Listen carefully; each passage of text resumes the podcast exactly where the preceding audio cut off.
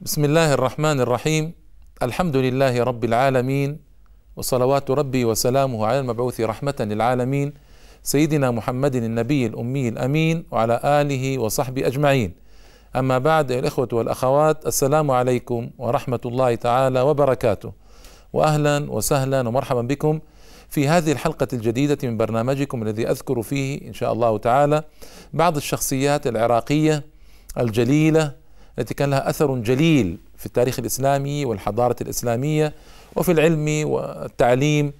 إنه الإمام الكبير الجليل سفيان ابن سعيد ابن مسروق الثوري رحمة الله تعالى عليه. وسفيان علم الأعلام وكبير الزهاد وإمام كبير من أئمة السلف وأمير المؤمنين في الحديث. هذه الأوصاف كانت تطلق عليه هكذا. وقد ولد سنة سبع وتسعين رحمة الله تعالى عليه فهو من أهل القرن الأول والثاني إذن من خير القرون رحمة الله عليه. وطلب العلم وقرأ الحديث على أبيه المحدث الصادق سعيد بن مسروق الثوري وتعلم وأخذ العلم عن علماء كثر ومشايخ كثر جدا وبرز رحمة الله تعالى عليه وهو ممن شرفت به الكوفة وأرض العراق وملأها علما وعملا وزهدا وورعا رحمه الله تعالى. وكانت كلمة السلف في الثناء عليه عجيبة. يقول عبد الله بن مبارك ما وصف لي رجل إلا رأيته دون الصفة إلا سفيان الثوري فإني قد رأيت أعظم مما وصف لي. وشعبة يقول أعلم الناس بالحلال والحرام. سفيان بن سعيد الثوري. وشعبة إمام مدقق جدا. وأبو إسحاق السبيعي رآه مرة قادما. وأبو إسحاق السبيعي من كبار المحدثين فتلا قول الله تعالى وآتيناه الحكم صبيا أي الحكمة. وكان يحدث والناس تتطلع إليه وتأخذ عنه ولم يبقل وجهه يعني لم يخرج شعر وجهه بعد لم تخرج يخرج شعر لحيته بعد من صغره. وممن أوتي إذا الحكمة والعلم صغيرا رحمة الله تعالى عليه. وفي سفيان صفات جليلة وكان مضرب مضرب المثل عند المسلمين في الزهد والورع وكان مقياسا للورع يعني كان يقاس به غيره كم تقدم وكم تأخر في الورع يقاسون بسفيان ليه؟ حتى أن النووي رحمه الله تعالى لما جاء بعد سفيان بخمسة قرون النووي قيل ذكرنا بورع سفيان فورع سفيان كان مقياسا ومعيارا يقاس إليه الورعون رحمة الله تعالى عليه. ويقول شعيب بن حرب وشعيب بن حرب أيضا أحد أئمة السلف وعلماء وعلماء وأحد علمائهم يقول قولا عجيبا يقول إني لأحسب أنه يجاء بسفيان يوم القيامة بين يدي الله تعالى ويقال لمن عاصروه لم تدركوا نبيكم فقد أدركتم سفيان. الله أكبر. كلمة عجيبة وجليلة جدا. لم تدركوا نبيكم فقد أدركتم سفيان. هكذا كان سفيان عند السلف. يعني شيء عجيب وعظيم وعظيم جدا. ومن أظهر صفات سفيان بن سعيد الثوري أنه كان آمرا بالمعروف ناهيا عن المنكر على وجه عجيب. وهذه صفة نفتقدها اليوم أيها الإخوة. يمر علينا أهل المعاصي فلا ننصحهم لا نأمرهم لا ننهاهم لا نحذرهم من غضب الله ونقمته. فيظل الإنسان يعاشر أهل المعاصي وليس وكأنه ليس هنالك شيء. ويرى أباه على معصية ويرى أخاه على معصية ويرى صديقه على معصية ويظل يؤاخيه وليس كأنه هنالك شيء. اسمعوا حديث رسول الله صلى الله عليه وسلم. يقول بأبيه وأمي صلى الله عليه وسلم أول ما دخل النقص على بني إسرائيل أول ما دخل النقص على دينهم أن الرجل كان يرى أخاه على منكر فيقول له اتق الله ودع عنك هذا. طيب ثم لم يمنعه ذلك أن يكون جليسه وأكيله وشريبه أو كما قال صلى الله عليه وسلم. يعني يراه على المعصية يجلس يأكل ويشرب معه ويجلس ويخالطه ولا يهتم بمعصيته. وهذا خطأ كبير. لذلك آه، لما أرسل الله جبريل إلى قرية ليعذبها قال يا رب إن فيها عبدك الصالح فلانا. قال به فابدأ فإن وجهه لم يتمعر في قط لم يتغير وجهه عندما راى المعاصي. نسأل الله السلامة والعافية. وكلنا مقصر. لكن يعني الإنسان يحاول قدر إمكانه أن يأمر بالمعروف وينهى عن المنكر قدر إمكانه. سفيان كان إذا ذهب إلى الحج كان لا يفتر لسانه عن الأمر بالمعروف والنهي عن المنكر منذ أن يخرج من بيته إلى أن يرجع وهو يبين للناس ويرشد الناس وينصح الناس ويامرهم بالمعروف وينهاهم عن المنكر. ويقول كنت إذا حيل بيني وبين الأمر بالمعروف والنهي عن المنكر أبول دما من القهر. الله أكبر. من القهر أنه إذا كان لم يستطع أن يأمر وينهى يبول دما. ومن العجائب أن أن لما حج أدخل على المهدي والمهدي خليفة عباسي من الخلفاء الأقوياء ذوي السطوة والجبروت. أدخل على المهدي في خيمته بمنى. ما كان يدخل هو لكن أدخل هكذا بالقوة. فقال له المهدي والمهدي كان يعني له إيجابيات جيدة يعني ما قال له يا رجل أعجزتنا في طلبك فالحمد لله الذي رأيناك. انظر كيف يثني عليه المهدي. قال ارفع إلينا حاجتك ماذا تريد؟ قال اسمعوا القولة العجيبة قال قد ملأت الأرض ظلما وجورا فاتق الله. الله أكبر. يقول هذا لخليفة المسلمين وإمامهم المرهوب. قد ملأت الأرض ظلما وجورا فاتق الله. فطأطأ المهدي رأسه وأطرق ثم رفع رأسه وقال أرأيت إن لم أستطع؟ قال إن لم أستطع أن أفعل شيئا. قال تخلي هذا الأمر تتركه إلى غيرك. اسمع ماذا يقول له. تترك الخلافة. فطأطأ المهدي رأسه وقال ارفع إلينا حاجتك. قال أبناء المهاجرين والأنصار أوصل إليهم حقهم. فطأطأ المهدي رأسه. فقال رجل من جلساء المهدي أيها الرجل ارفع إلينا حاجتك. يريد أن ينهي اللقاء يعني. ارفع إلينا حاجتك. قال وما حاجتي؟ قد أخبرني إسماعيل بن خالد أحد الرواة أن أن عمر رضي الله عنه قد حج فبلغت نفقة حجه بضعة عشر درهما. وأرى ها هنا أمورا لا تطيقها الجبال أي من الترف والبذخ في الحج.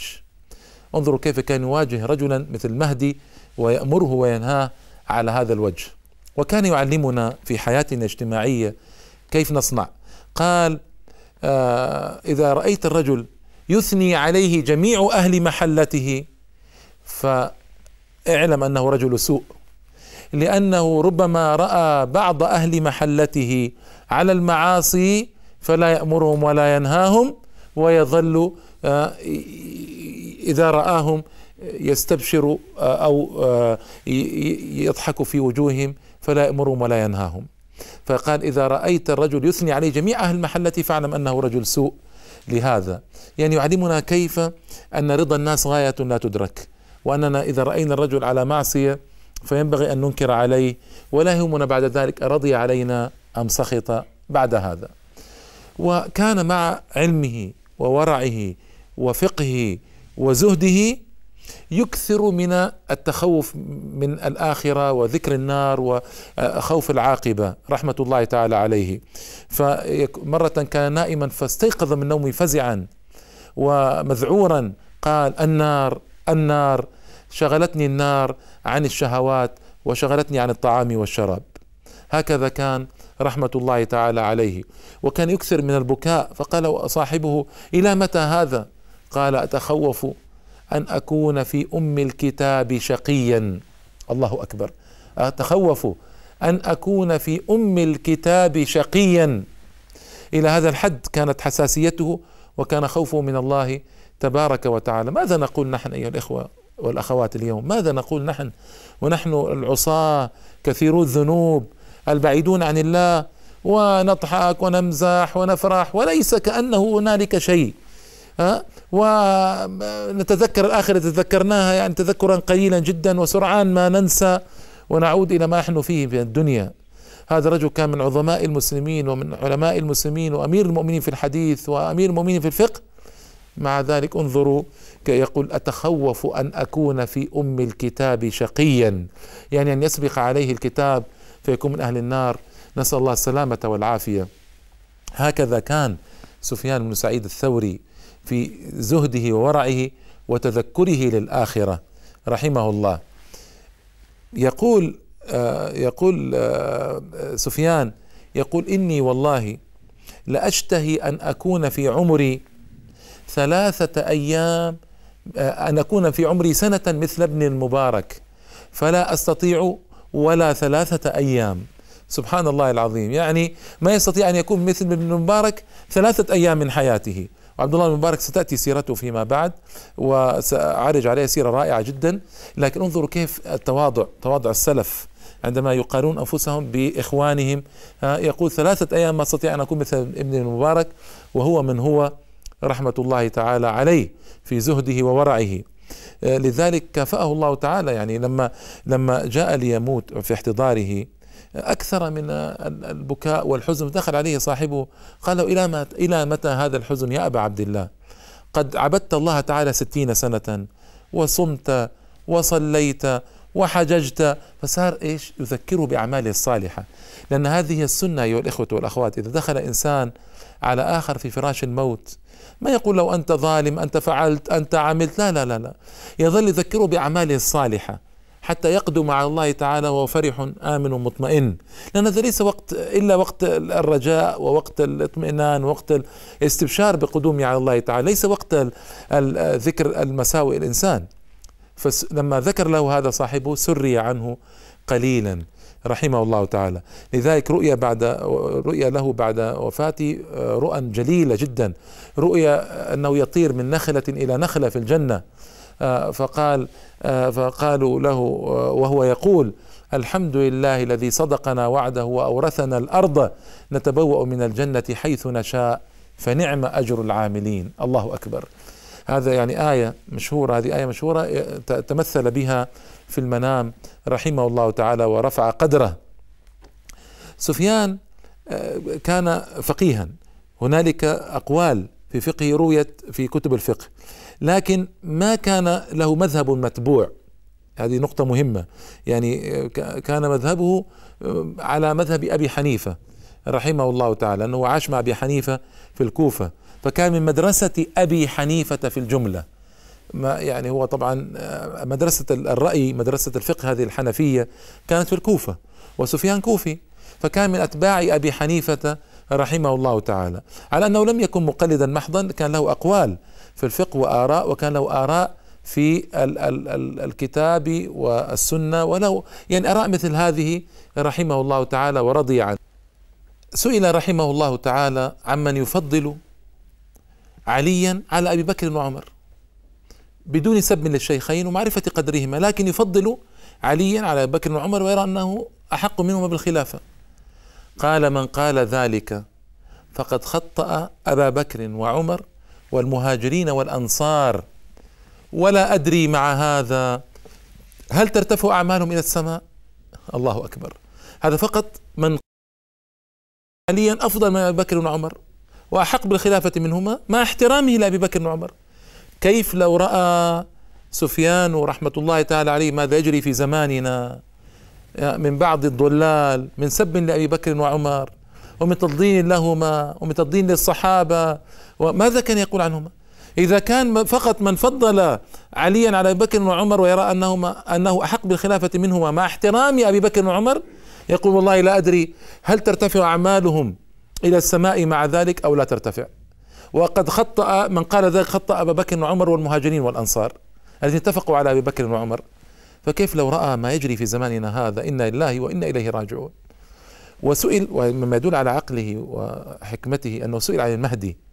واليوم عندنا كلام عن المهدي والمهدي والمهدي وكلام طويل والمهدي جاي والمهدي سيفعل والمهدي سيعمل. اسمعوا. فسئل عن المهدي. قال إذا مر بباب دارك لا تكن منه في شيء حتى يبايعه الناس. لأن بعض بعض الناس كذب يدعون أنه المهدي وليس هو المهدي طبعا. ويضللون الناس بذلك ويأتون بشر عظيم للمسلمين بسبب هذا. شر عظيم وعظيم جدا. لذلك يعني الإنسان يكون يتريث في قضايا الغيبيات وقضايا الآخرة وأخبار الساعة وعلامات الساعة الكبرى وخروج المهدي والدجال. يتريث في ذلك يكون حكيما عاقلا. فلذلك جواب جواب سفيان كان جواب الحكيم العاقل. إذا مر بباب بيتك وعلمت أنه المهدي وعلمت أنه المهدي وتيقنت لا تكن منه في شيء لا تتبعه حتى يبايعه الناس. لا تعجل يعني. حتى يبايعه الناس. وكان عابدا كأعظم ما تكون العبادة مصليا ساجدا صائما. رؤي مرة وقد دخل المسجد الحرام رحمه الله تعالى فسجد سجدة بعد صلاة المغرب. صلى المغرب سجد سجدة فلم يرفع رأسه إلا بعد آه، أن سمع أذان العشاء. ونقول اليوم يعني تقريبا كم؟ تقريبا قرابة خمسين دقيقة قرابة خمسين وخمسين دقيقة بعد الفراغ من الصلاة والتسبيح وصلاة السنة. سجد سجدة يدعو. ما رفع رأسه إلا بعد أن سمع الأذان العشاء. وهذه عبادة عظيمة. وحتى نجرب هذا يا الإخوة والأخوات جربوا أن تسجدوا خمس دقائق. سجدة واحدة خمس دقائق. ضعوا ساعة أمامكم واسجدوا خمس دقائق فقط. أغلبكم لن يستطيع أن يكمل خمس دقائق ساجدا. سيشعر بثقل سيشعر بتزايد في نفسه ثقل في رأسه وفي أكتافه لن يستطيع أو في كتفيه لن يستطيع أن يطيل السجود ربما إلى خمس إلى عشر دقائق أقصى حد. هذا يدل على أنهم كانوا أصحاب عبادة طويلة متدربين على العبادة آه، معتادين على العبادة الطويلة. رحمه الله تعالى معتادا على العبادة الطويلة التي آه، يسجد بسببها خمس دقائق يسجد خمسين أو خمسة وخمسين دقيقة أو قرابة ساعة في المسجد الحرام. رحمه الله تعالى. هذه العبادة الجليلة التي كان متميزا بها جماعات كثيرة جدا من السلف. ونحن عندما نسمع مثل هذه القضايا ما نطمع أقول مرة أخرى ما نطمع إلى أن نكون مثل سفيان أيها الإخوة والأخوات. سفيان كان في عصر السلف نجما من النجوم. ما هو في عصرنا؟ في عصر السلف. في القرن الثاني كان نجما عظيما جدا. فما نطمع أن نصل إلى إلى منزلته لكن نريد أن نتشبه به وبأمثاله من العظماء.